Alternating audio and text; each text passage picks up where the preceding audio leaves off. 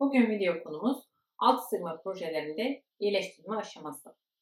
Buraya kadar olan kısımda tanımlama, ölçme, analiz etme adımlarını geçtik. Değişkenlik nedenlerimizi belirlemeye çalıştık buraya kadar olan süreçte. Şimdi iyileştirme aşamasında 8. adımda değişkenlik ilişkilerini açığa çıkartacağız. 9. adımda da bu değişkenlik ilişkilerini kullanarak operasyon standartlarını oluşturmaya, tanımlamaya çalışacağız. Hadi başlayalım.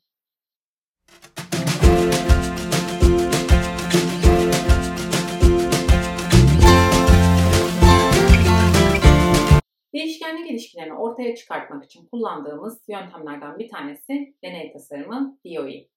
Deney tasarımı yaparken bu zamana kadar kullandığımız girdilerden hangilerinin önemli olduğuna hipotez testleriyle, sebep sonuç matriksiyle, kullandığımız grafiklerle karar verdik ve eleye eleye bir huni gibi düşünürseniz eleye eleye geldik. Şimdi elimizde kalan girdilerle o girdilerden hangilerinin bizim çıktığımız üzerinde en fazla etkiye sahip olduğunu bulacağız. Ve o girdilerin bizim çıktığımızın istediğimiz aralıkta olabilmesi için girdilerin de hangi aralıkta olması gerektiğini yani hangi standartta onları tutmamız gerektiğini bulmaya çalışacağız. Deney tasarımı bizim için bu açıdan önemli. Deneyi planlarken girdiler olarak bahsettiğimiz şey bizim için burada faktörler olarak ortaya çıkıyor. Yani kaç tane faktörümüz varsa bunları kullanarak bunların hangi seviyelerde olduğunu bulacağız. Örneğin bizim için önemli olan girdilerden bir tanesinin sıcaklık olduğunu düşünelim. Sıcaklık hangi dereceler arasında olmalı? 160 dereceli 200 derece mi? 180 dereceli 220 derece mi? Hangi aralıkta test etmek istiyoruz biz bunu? Çıktığımız üzerindeki etkisini görmek istiyoruz. Buna karar vererek deneyi planlamaya çalışıyoruz. Ya da sıcaklık dışında başka kullandığımız faktörler hangileri ise bunları planlamaya çalışıyoruz. Yine bu konuda yapılmış bir deney tasarımı videomuz var. Orada çay demleme prosesiyle ilgili olarak iyi demlenmiş bir çay için hangi parametreleri kontrol altında tutmamız gerekiyor? Bunlarla ilgili olarak nasıl bir ayar yapmamız gerekiyor ve deney tasarımını nasıl çalışmamız gerekiyor? Daha detaylı olarak anlattığımız video var. Onun linkini de yine aşağıya bırakıyoruz. Şimdi buradaki örneğimize bakarsak, 3 tane faktörden bahsediyoruz burada. Sıcaklık, yerleşim ve kullandığımız katalist. Buna bakarak çıktığımızın ne olduğunu, y'nin ne olduğunu bulmaya çalışıyoruz. 160 derece ile 180 derece arasında sıcaklık değişiyor. 20 ile 40 arasında yerleşim yerleri noktaları değişiyor. Katalist olarak da iki tip katalist kullanıyoruz. Birincisi ve ikincisi olarak değerlendirmişiz. Sonuçlarda Y çıktımın 65 olmasını istiyorum.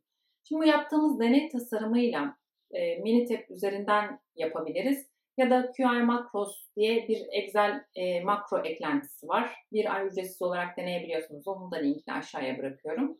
Hem QI Makros'ta hem deney tasarımında biz hangi girdimizin hangi aralıkta değişmesini istiyorsak onları giriyoruz ve deney tasarımını Minitab üzerinden ya da Excel üzerinden çalıştırıyoruz.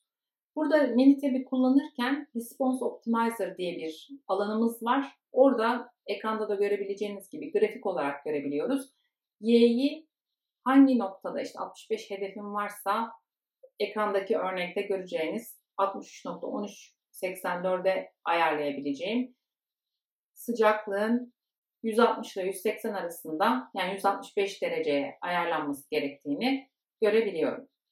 Bu örnekte deney tasarımını çalıştırdıktan sonra P değerleri 0.05'e göre değerlendirilip sadece sıcaklığın önemli olduğu bulunmuş ve bu nedenle sıcaklığı ayarlamamızın çıktığı sağlayacağımızı değerlendirebileceğimizi görüyoruz. Yerleşim ve kataliste ne oldu? Onlar girdiniz üzerinde o kadar da önemli değilmiş. İstatistiksel olarak baktığımızda o kadar da önemli değilmiş. Bu nedenle onları dışarıda bırakarak sadece sıcaklığı ayarlayarak istediğimiz çıktığı elde edebileceğimizi görüyoruz. Deney tasarımını yaparken şuna da dikkat etmemiz gerekiyor. Örneğin ben 160 derece ile 180 derece arasında sıcaklık olsun istiyorum. Yani bu aralarda değiştirmek istiyorum sıcaklığı. Deney tasarımı yaparken Minitab bana bir e, deney planlaması veriyor, deney sıralaması veriyor. Örneğin 160 derece sıcaklıkta yerleşim 20 iken katalist 1 iken 180 derece sıcaklıkta yerleşim 40 iken katalist 2 iken. Bu verdiği sıra neyse o sıraya göre deneylerimizi yapmak istediğimiz sonuçların daha doğru olmasını sağlıyor. Çünkü sistemdeki rastsallığı da aynı şekilde korumuş, tutmuş oluyoruz. deney tasarımını yaptıktan sonra 9. adıma geçiyoruz. İmalat operasyon standartlarını oluşturmak. İmalat operasyon standartlarını neye göre oluşturacağız? Buraya kadar yaptığımız hipotez testlerinde elde ettiğimiz sonuçlara göre oluşturmamız gerekiyor. Deney tasarımı yaptık, sıcaklığın ne olması gerektiğini bulduk. Ya da regresyon analizi yaptık ya da iki örnekli t-test yaptık. Örneğin sıcaklığın açık olduğu ve kapalı olduğu durumları test ettik. Bu hipotez testi sonucuna göre sıcaklığın açık olması gerektiğini görüyorsak, istatistiksel olarak bize bu veri sağlandıysa o zaman operasyon talimatlarında sıcaklık açık olmalı ya da sıcaklığın açık olmasını sağlayacak bir sistem kurabilir miyim? Buna bakmamız gerekiyor. Aynı şekilde ANOVA testi yaptım. Hız ayarı örneğin 1 ile 5 arasında değişebiliyor. Ben hız 4'teyken istediğim performansa daha yakın olduğumu gördüm. Bu durumda yani ortalamalar açısından daha iyi durumda olduğumu gördüm. Bu durumda makinenin hızını 4'e ayarlayıp operasyonu gerçekleştirmek gibi. Bunları hem operasyon talimatlarında güncellemek hem de bunların değiştirilmediğinden emin olacak bir sistem kurarsak aslında aynı şekilde operasyonlarımızı devam ettirebileceğimizi, prosesimizi garanti altına aldığımızı söyleyebiliriz. Yine deney tasarımı yaptık. Sıcaklığın 180 derece olduğu, makine hızının da 14,5 olduğu bir durumun bizim istediğimiz çıktıya ulaşmamızı sağladığını gördük. Bu durumda hızı 14.5'a, sıcaklığı 180 dereceye ayarlayıp operasyon standartlarını oluşturabilir ve 9. adımdaki işimizi tamamlayabiliriz. İyileştirme aşamasında buraya kadar geldiğimiz nokta bizim için girdilerimizden hangileri önemliydi, bu girdileri hangi aralıkta tutmam gerekiyor istediğim çıktıyı elde edebilmek için ve o standartların sahada oluşturulması ile ilgiliydi. 10. adıma geldiğimizde yine iyileştirme aşamasında. Üçüncü adımı hatırlayalım. Ölçüm sistem analizi yapmıştık. Yine mevcut durumda ölçüm sistemimize hala güveniyor muyuz? Verilerimize güveniyor muyuz?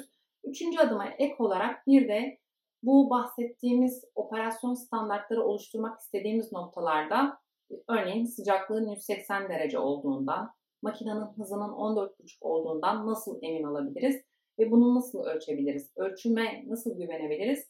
Bunları da teyit etmemiz gereken bir adım.